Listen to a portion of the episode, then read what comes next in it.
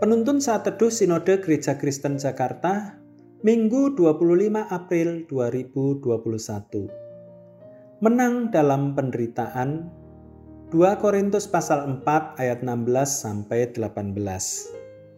Sebab itu kami tidak tawar hati tetapi meskipun manusia lahiriah kami semakin merosot namun manusia batiniah kami dibarui dari sehari ke sehari Sebab penderitaan ringan yang sekarang ini mengerjakan bagi kami kemuliaan kekal yang melebihi segala-galanya. Jauh lebih besar daripada penderitaan kami.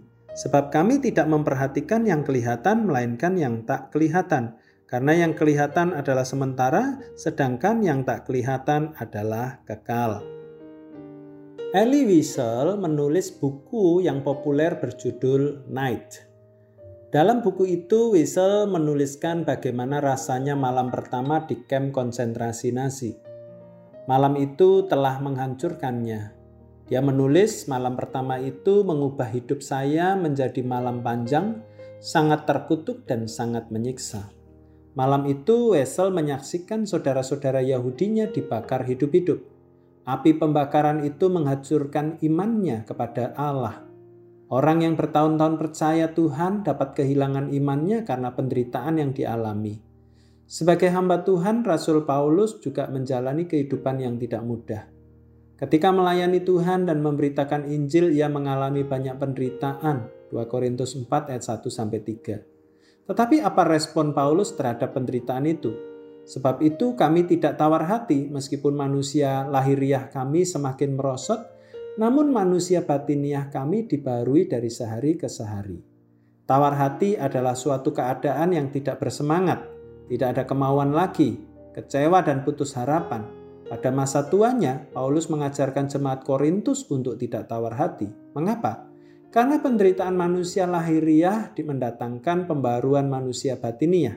Pembaruan manusia batiniah artinya bertumbuh ke arah Kristus dan menjadi dewasa seperti Kristus. Efesus 4 ayat 13 dan 15.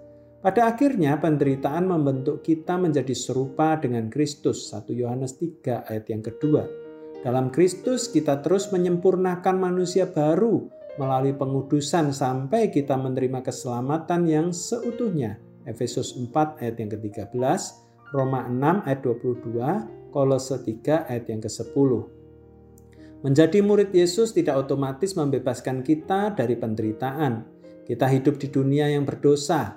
Mungkin kita sudah hidup dengan baik, namun penderitaan bisa disebabkan oleh orang lain yang menyakiti kita. Di tengah penderitaan itu, jangan menjadi tawar hati.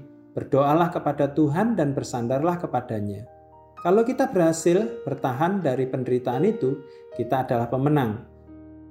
Sebagai pemenang, kita akan bangga saat kemuliaan kekal dari Allah dinyatakan kepada kita satu hari kelak.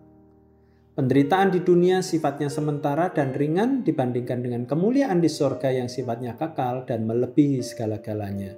Tuhan Yesus memberkati.